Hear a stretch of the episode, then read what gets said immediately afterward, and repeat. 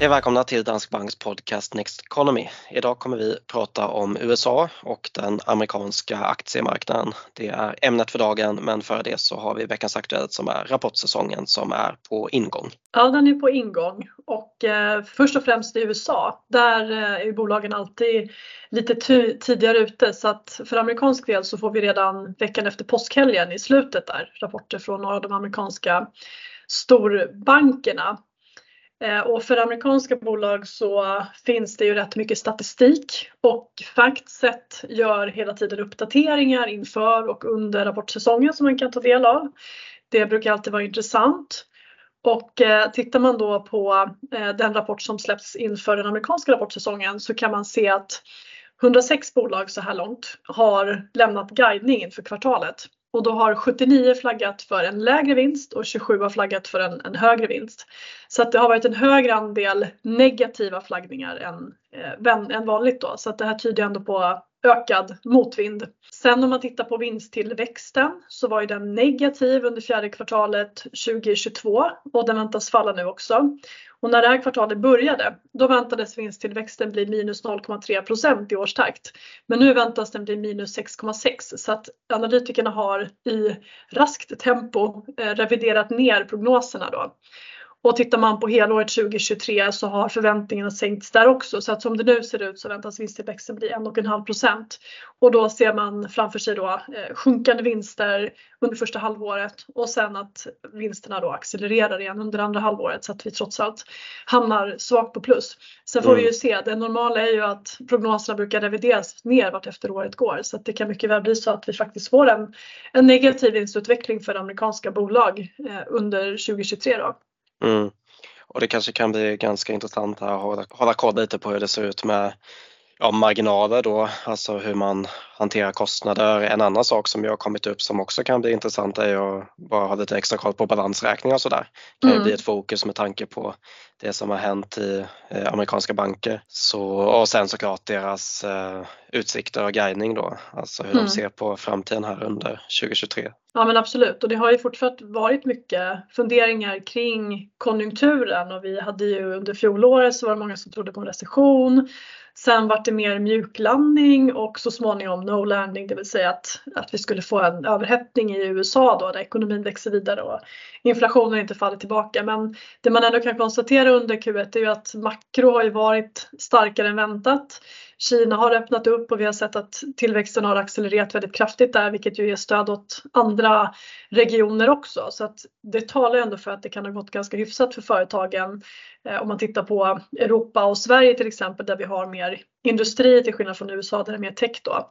Men redan förra kvartalet så fanns det ju vissa tecken på att efterfrågan dämpades. Det var ju överlag rätt bra rapporter men vinsttillväxten var ändå lite lägre än tidigare kollade man på orderingången i industrin så fortsatte den ju öka men inte, inte lika kraftigt som förut. Så att det fanns ändå vissa tecken på en dämpning.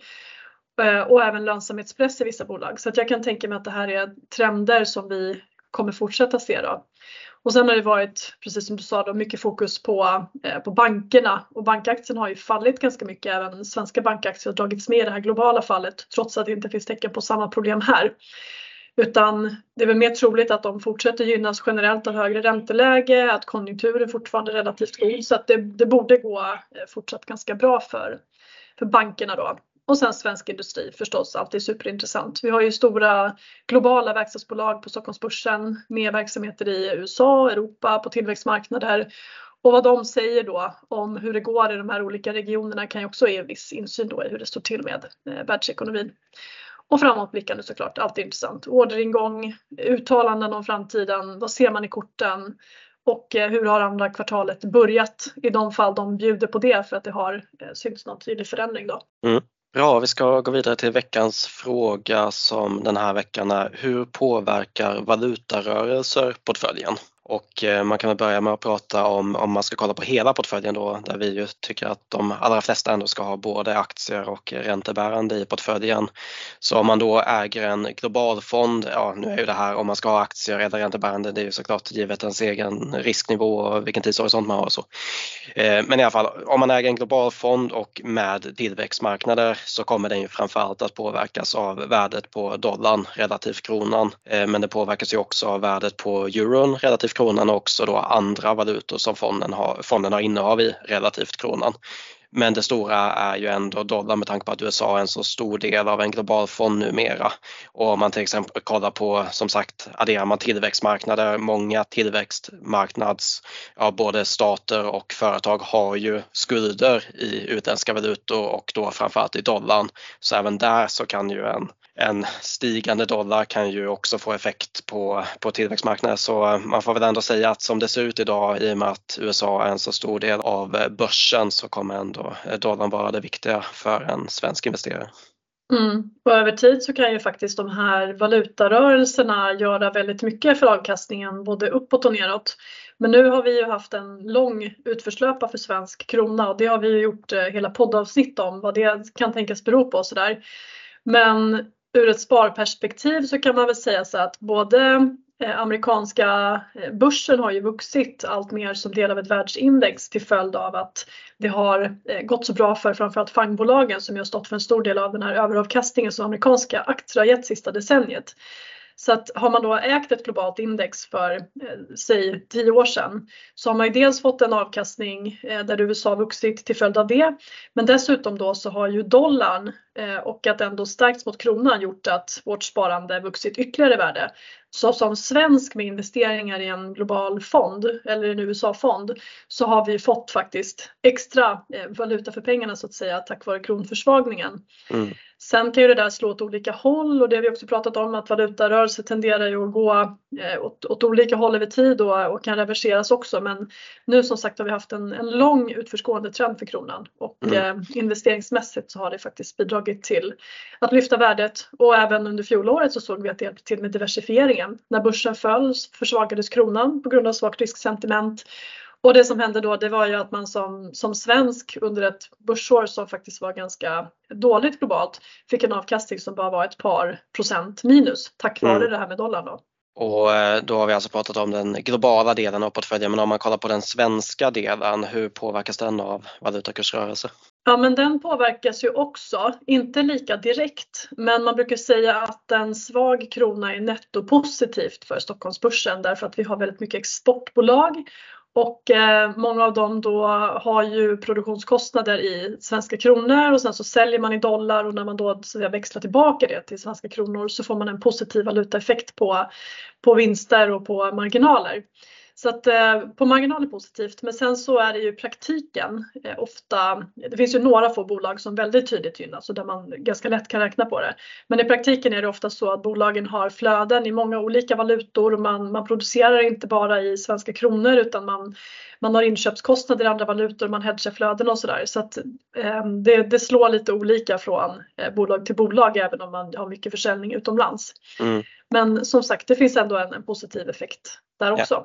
Och vi ska gå över då och kolla lite på räntedelen av portföljen. Alltså om man kollar på just räntedelen så dels så har man kanske ofta en ganska stor andel svenska obligationer vilket ju då inte får den där eh, valutaeffekten på samma sätt. Men sen också normalt sett så brukar man hedga ränterisken om man investerar i i obligationer utomlands och det är ju framförallt för att man vill då ta ränterisk och kreditrisk först och främst när man investerar och inte ta valutarisk. Alltså man brukar låta valutarisken vara en del av aktiedelen av portföljen men inte vara en del av eh, räntedelen och det är också ganska mycket för att man någonstans vill att räntedelen ska ge stöd åt hela portföljen så att den inte ska vara lika volatil. Och det är så, har man en räntefond, nu har ju den förväntade avkastningen på, på räntefonder kommit upp det senaste året, men säg att man har en förväntad avkastning på 2, 3, 4 procent och eh, sen så har du inte hedgat den där och så får du se då att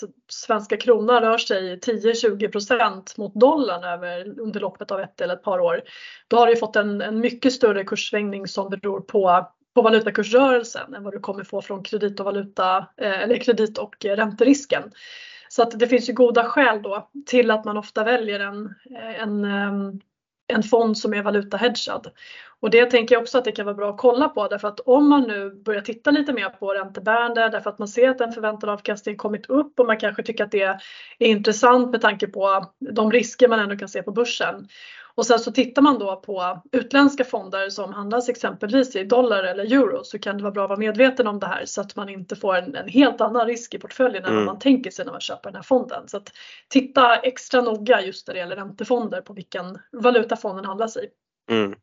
Ja, och det är ju beroende på vad man vill ha för exponering då. Alltså visst, det är klart man kan ta valutarisk i räntedelen av portföljen också, men det beror ju på hur man ser på räntedelen och vad den ska bidra med. Så eh, det kan ju som sagt vara bra om man nu går in och ska köpa en, en räntefond att man också kollar då om den är hedgad eller vilken valuta den handlas eh, Bra, vi ska gå vidare till ämnet för dagen. Det är alltså USA, vi har redan varit inne på det. Det har blivit en stor marknad eh, om man kollar i en portfölj, en global portfölj och det är ju en marknad som har vuxit. Eh, så den påverkar ju mycket mycket vad som händer med våra investeringar. Och eh, sen också, det är ju världens största ekonomi fortfarande så bara där har den ju stor effekt på vad som händer på Stockholmsbörsen också för den delen. Mm. Så vi ska mm. börja med att prata lite mer om det makroekonomiska och det som är mest intressant nu kanske och som har varit under en tid och som är intressant över hela världen. Det är ju inflation och penningpolitik och eh, om man då jämför USA med Europa och Sverige så har ju inflationen toppat något tidigare där och där förväntar vi oss också att eh, Feds ränta kommer toppa tidigare än vad den gör i Europa. Ja men exakt och man kan väl konstatera att amerikansk ekonomi har förblivit oväntat stark trots en lång period där dels hög inflation har varit en motvind för många konsumenter därför att priserna har stigit och det är ganska kraftigt. I USA så började inflationen visa tecken på att dra iväg för ungefär två år sedan så att man har haft inflationsproblematiken längre där. Och sen så har ju Fed också varit snabbare att komma igång med räntehöjningarna och man har gått hårdare fram. Så att på ett år så har man gått från ja, ett spann strax över noll till strax under 5% och det här är ju en, en väldigt snabb åtstramningstakt. Men trots det här då så kan man konstatera ändå att konsumtionen håller uppe väl och eh, ett skäl till det kan ju vara att konsumenterna hade väldigt stora besparingar från pandemin när de fick checkar och generösa bidrag om man till exempel var arbetslös. Um, och dessutom då så har vi fortfarande den här superstarka amerikanska arbetsmarknaden mm. med låg arbetslöshet, många eh, fler lediga jobb. Om man tittar på statistiken som kom igår så var det ungefär 10 miljoner lediga jobb i USA just nu och knappt 6 miljoner arbetssökande amerikaner. Så att även om man kunde matcha varenda arbetssökande amerikan med jobben så skulle det fortfarande inte räcka till. Så att det är ett väldigt tryck amerikansk arbetsmarknad och det gör ju att man känner att det, det, är lätt att få ett nytt jobb om man av någon anledning skulle förlora eh, det jobb man har. Och mm. det tenderar att göra att man har ett, ett, ekonomiskt självförtroende och fortsätter att konsumera och även då våga ta av de här sparpengarna. Man känner inte ett behov av att sitta och spara i ladan för sämre tider. Så ah, det här har nog bidragit till att hålla fart i det och även då till inflationstrycket därför att lönerna ökar, företagen får slåss om arbetskraften och eh, arbetssökande är helt enkelt lite grann i, i överläge och därför så har vi haft löneökningar på 4-5% senaste året och det, det är ganska mycket och talar för att inflationen också kan förbli eh, lite högre än önskvärt, längre än, än vad Fed eh, skulle vilja då. Ja, det var, det var det jag tänkte säga också, att det är också en anledning till varför man har kunnat hålla uppe konsumtionen i USA. Det är ju att man har haft en löneinflation när man då jämför med hur det ser ut i Sverige till exempel där ju alltså konsumtion eller de, detaljhandelssiffror är väldigt negativa. Eh, mm. Men där har vi ju inte samma, alltså reallönesänkningarna har ju varit ganska enorma i jämförelse här mot hur det ser ut i USA. Sen så har Men, vi en annan faktor där, det är ju räntebindningstiderna på våra bolån. Mm. Så om man tittar på USA så är det en av de marknader där bindningstiderna på bolån är som längst. Så att det normala när man ingår ett, ett bolån det är att man har en räntebindningstid på 30 år och i genomsnitt så ligger eh, bindningstider på amerikanska bolån på mellan 20 och 25 år. Så det betyder att Feds räntehöjning går in i plånböckerna på hushållen på andra sätt. Men däremot så slår det inte rakt in i, i vår månadskostnad för bostaden så som det gör här. Och de flesta andra länder i Europa också har längre bindningstider än vi men kortare än i USA. Så att på andra håll så påverkas man snabbare av det här så att det blir dubbel motvind då. Högre inflation, mycket energirelaterad inflation för svensk och europeisk del och sen då räntehöjningarna som också slår snabbare och, och kraftigare. Ja, vi fick ju den här bolånerapporten från Finansinspektionen nyligen också. Där räknar de med att hushållens räntekostnader kommer öka eller fyrdubblas. Alltså från att vara 4% av nettoinkomsten till att bli 16% av nettoinkomsten här mm. i slutet av 2023 jämfört med hur det såg ut för ungefär ett år sedan. Så, så visst, det är en stor skillnad. Men, men åter till USA då, alltså ett stort eh, prioområde för Fed då, det är ju att eh, kyla ner arbetsmarknaden aktiemarknaden. Alltså för att man inte ska ha den här löneinflationsspiralen. Mm. Så det, det, måste man ju ändå fortsätta med. Men nu börjar vi ändå närma oss någon eh, typ av topp. Mm. Ja men direkt efter de här problemen i amerikanska banker så gjorde man ju en jätteomprisning av centralbanken i USA. Så från att man väntade sig att styrräntan skulle toppa på nästan 5,7 procent och då hade den i princip gått rakt uppåt senaste tiden. Så följer det tillbaka och till en början så räknar man med att man inte skulle höja mer alls utan att man skulle sänka ganska brant på slutet av året. Sen har det tyvärr gått tillbaka lite så att nu, nu prisar man in att Fed kan höja en gång till eh, men sen att man ganska snart då ska börja sänka räntan igen så att vid årsskiftet så ska den vara lägre än vad den är idag. Sen vi, vi tror ju inte riktigt på det där just mot bakgrund av löneinflation, styrkan i arbetsmarknaden och att den underliggande inflationen, alltså kärninflationen fortfarande är så pass hög. Så att vi tror också att man, man kommer höja en gång till så att räntan kommer upp 5, 5,25 men sen då att man ligger kvar där förmodligen under 2023 ut och att det då ser liknande ut för Europa och för Sverige. För där ändrade mm. man också prissättningen av centralbankerna och, och drog ner förväntningarna ganska kraftigt. Sen har de gradvis kommit upp igen och eh, vi har faktiskt inte gjort några förändringar alls i våra prognoser utan vi såg de här problemen i amerikanska bankerna som, som isolerade till just de bankerna. Det var problem som inte är liksom systemproblem utan eh, relaterat till verksamheten i de här bolagen. Då. Och eh, så länge man inte ser den här krisen sprida sig, och det gjorde vi ju inte för att vi fick ett så snabbt agerande från myndigheter, så tror vi inte att Fed kommer avstå från att höja ränta på grund av det, utan att inflationen fortfarande kommer vara i fokus för att man ser att den, den är så pass farlig för den ekonomiska utvecklingen och eh, hög inflation under lång tid är ett värre problem än att höja mm. räntorna kraftigt i närtid. Ja, vi ska gå vidare och eh, prata mer om den amerikanska aktiemarknaden och eh, börja med att bara prata om hur ett amerikanskt eh, index ser ut. Nu finns det en hel mängd amerikanska amerikanska index. Men eh, om man kollar på vad vi använder och vad många har som sina jämförelseindex när det gäller USA-fonder, då är det ju MSCIs USA-index och det kan man väl säga är ganska likt S&P 500, alltså S&P 500 är de största 500 bolagen i USA medan MSCIs index har ungefär, ja det är lite mer än 600 men det, det är ungefär samma exponering du får på de där två. Mm. Eh, så det kan man ju säga, det är ju de kanske vanligaste indexen men sen har du också Dow Jones som är ett klassiskt index men där har du bara 30 stycken bolag ehm, så det är ett ganska litet index och det reflekterar ju inte en stor del av aktiemarknaden. Sen finns det ju Nasdaq som är ganska tekniktungt då, det är väl det som blir någon typ av proxy för hur det går för IT-bolag och det brukar ju påverkas ganska mycket mycket av ränteförändringar har vi kunnat se här, inte minst under förra året. Och sen mm. då bara för att addera ännu ett index så är det Russell 2000, bara för det är ju deras småbolagsindex. Eh, så där, och det som är intressant med just eh, Russell 2000 om man då jämför med kanske våra småbolagsindex i Europa eller i Sverige är ju att där har man mera industri och, och den typen, alltså mer cykliskt medan då i de stora bolagen blir det mera IT och så, alltså när man mm. Eh, kollar på sektorexponeringen. Eh, så det är lite skillnad mellan de olika men eh, som sagt, jag tror det som vi pratar oftast om det blir ju S&P 500 slash MSCI USA. Då. Mm. Jag kan bara addera där just på det här Russell-indexet och det finns ju Russell 2000 och 3000. Mm. Men just i och med att det är småbolag och det ser likadant ut för svensk del, det är ju att de här mindre bolagen de har ju ofta mer verksamhet i den inhemska ekonomin. Alltså tittar man mm. på de stora bolagen så är det oftast globala bolag, exportbolag, så de är exponerade mot utlandet på ett helt annat sätt medan då småbolagsindex ofta som sagt är mer fokuserat i det här fallet då på USA. Så att det är kanske det här indexet som idag anses spegla hur den amerikanska ekonomin mår bäst. Eh, medan de här stora globala jättarna ofta har verksamhet i många andra länder. Men ja. S&P 500 då, det är ju kanske det som man oftast läser om eh, till skillnad från, från MSCI som används som jämförelseindex och sådär. Men här har vi ju då de här techjättarna och fangbolagen som under många år har vuxit väldigt kraftigt och eh, Apple och Microsoft idag är ju 6-7 procent vardera av marknadsvärdet i index. Så att de får ju väldigt, väldigt stora effekter på utvecklingen för eh, hela den amerikanska börsen.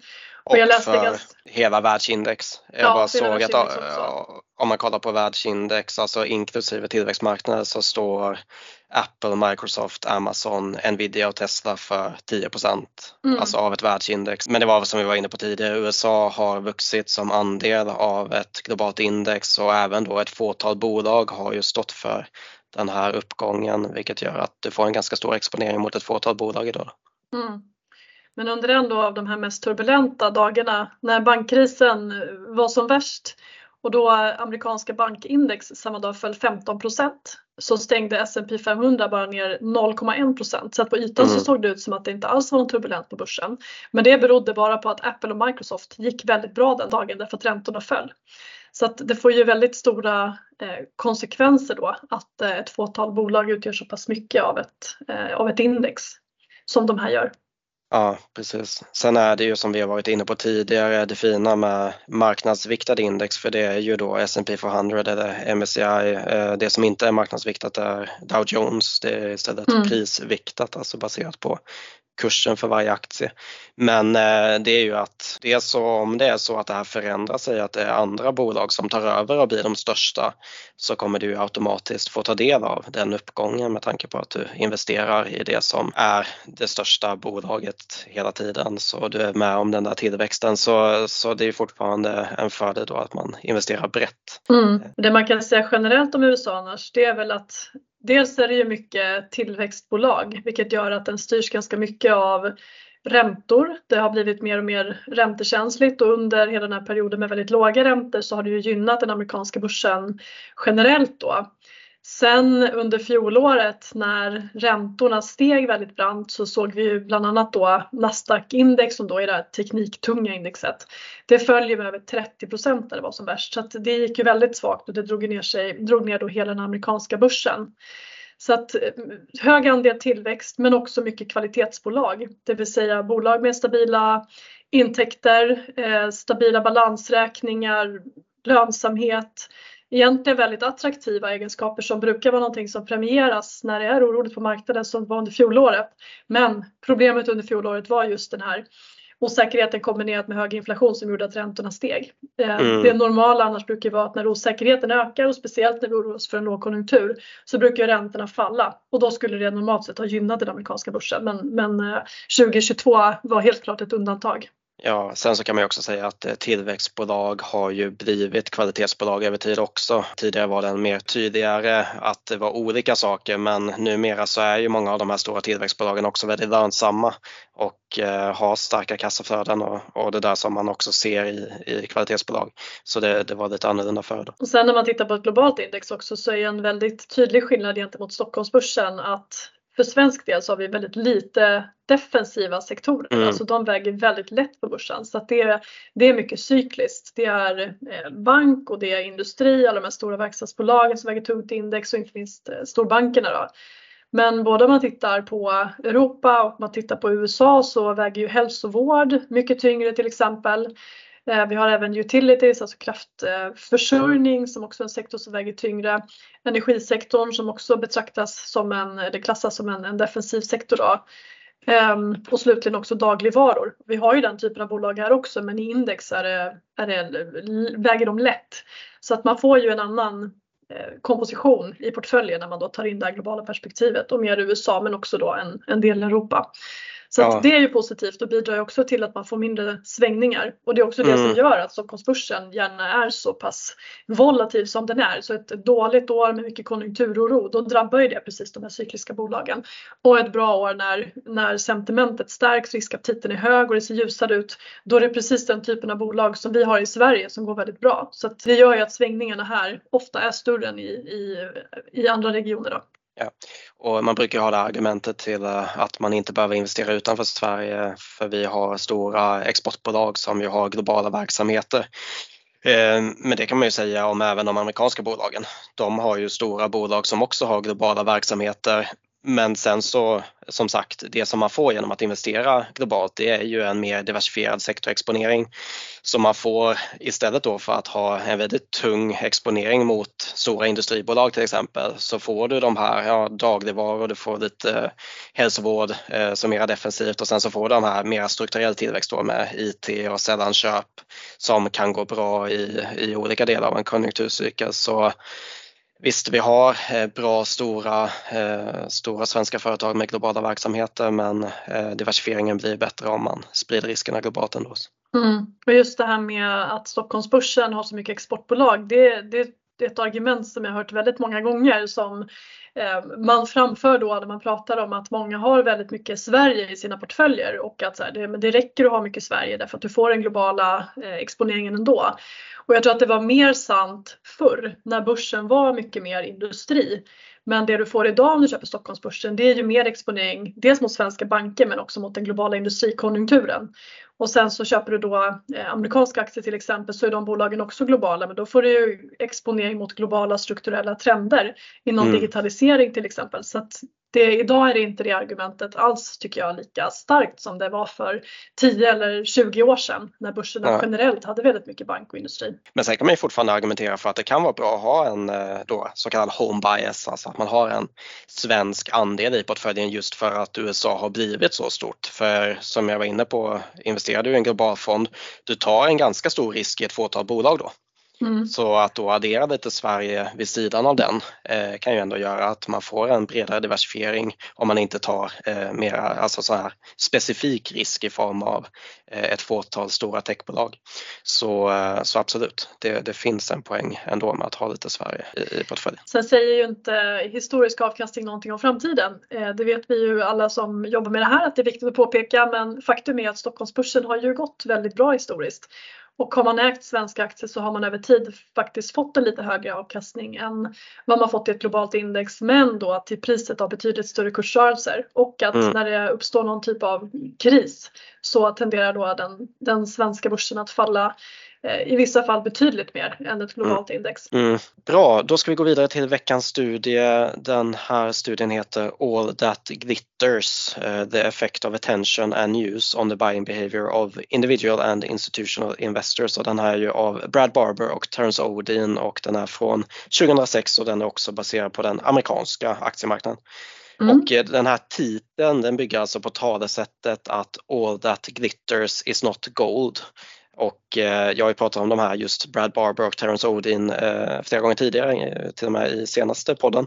Men det här är alltså en studie som jag inte har sett innan och eh, den bygger delvis på samma data som tidigare det är 66 465 hushåll i USA mellan 1991 till 1996. Den datan har de alltså gjort flera studier på. Men sen har de också data för hushåll mellan 96 till 99 och sen kollar de då också på 43 institutionella professionella investerare mellan 93 och 96. Och då tittar de alltså på hur aktier eh, som får mycket uppmärksamhet, alltså hur de påverkar köpbeslut hos investerare. De kollar på tre olika karaktärsdrag kan man säga som indikerar om de blir extra uppmärksammade och då är det ovanligt stora handelsvolymer, extrem avkastning eller att de har nämnts i media. Och det visar sig att privatpersoner köper de här aktierna i större utsträckning än professionella investerare. Och de menar att det har att göra med ett sökproblem, alltså det finns så många olika aktier att välja mellan att det blir enklare att utgå ifrån de som får mest uppmärksamhet och välja från dem istället. Professionella investerare kan normalt lägga mer tid på att söka efter andra aktier. Ehm, de tittar inte exakt på vad det gör för avkastningen i den här studien men de skriver att om man fokuserar på aktier som får mycket uppmärksamhet så innebär det ofta att man köper högt värderade bolag. Så när någon aktie får mycket uppmärksamhet så har den ofta redan gått upp och man kommer framförallt få vara med om nedgången och de refererar också till deras tidigare studier som säger att ökad aktivitet leder till mindre avkastning och att bara fokusera på aktier som är heta för stunden tenderar att, att innebära att man har ganska mycket aktivitet i portföljen.